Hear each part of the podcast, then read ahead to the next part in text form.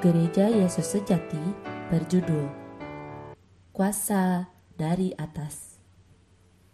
Yohanes pasal 19 ayat 11. Yesus menjawab, Engkau tidak mempunyai kuasa apa pun terhadap aku, jikalau kuasa itu tidak diberikan kepadamu dari atas.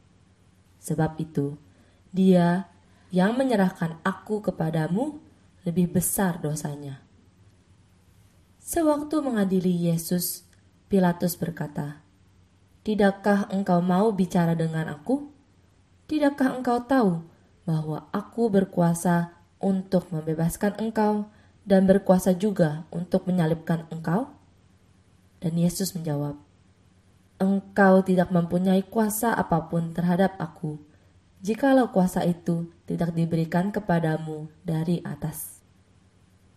Pilatus sebagai orang yang memiliki jabatan dan kekuasaan, merasa punya kuasa untuk bisa membebaskan atau menyalibkan Yesus.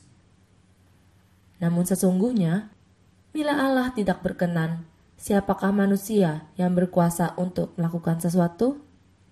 Apakah Yudas Iskariot berkuasa menjual Tuhan Yesus?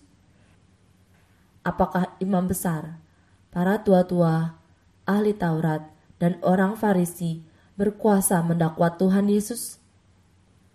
Apakah Pilatus berkuasa untuk memfonis dan menyalibkan Tuhan Yesus? Tidak. Tidak seorang pun mempunyai kuasa berbuat seperti itu jika kuasa itu tidak diberikan dari atas. Mereka sama sekali tidak bisa berbuat apa pun terhadap Tuhan Yesus. Hari ini, apa pun yang terjadi pada kita, anak-anak Allah, Entah menurut kita itu adalah hal yang baik atau buruk, apakah itu berkat atau penderitaan, semuanya terjadi oleh persetujuan Allah.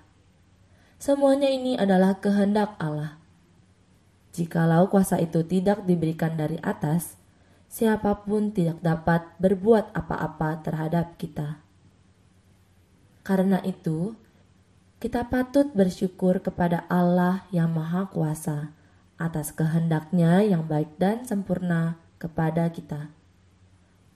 Mungkin pada awalnya kita tidak mengerti, sehingga tidak bisa menerimanya. Tetapi setelah itu, kita akan dapat melihat dan mengakui dari lubuk hati kita betapa kehendak Allah itu baik bagi kita. Ada seorang saudari yang banyak mengalami penderitaan berbagi pengalaman hidupnya dengan saya.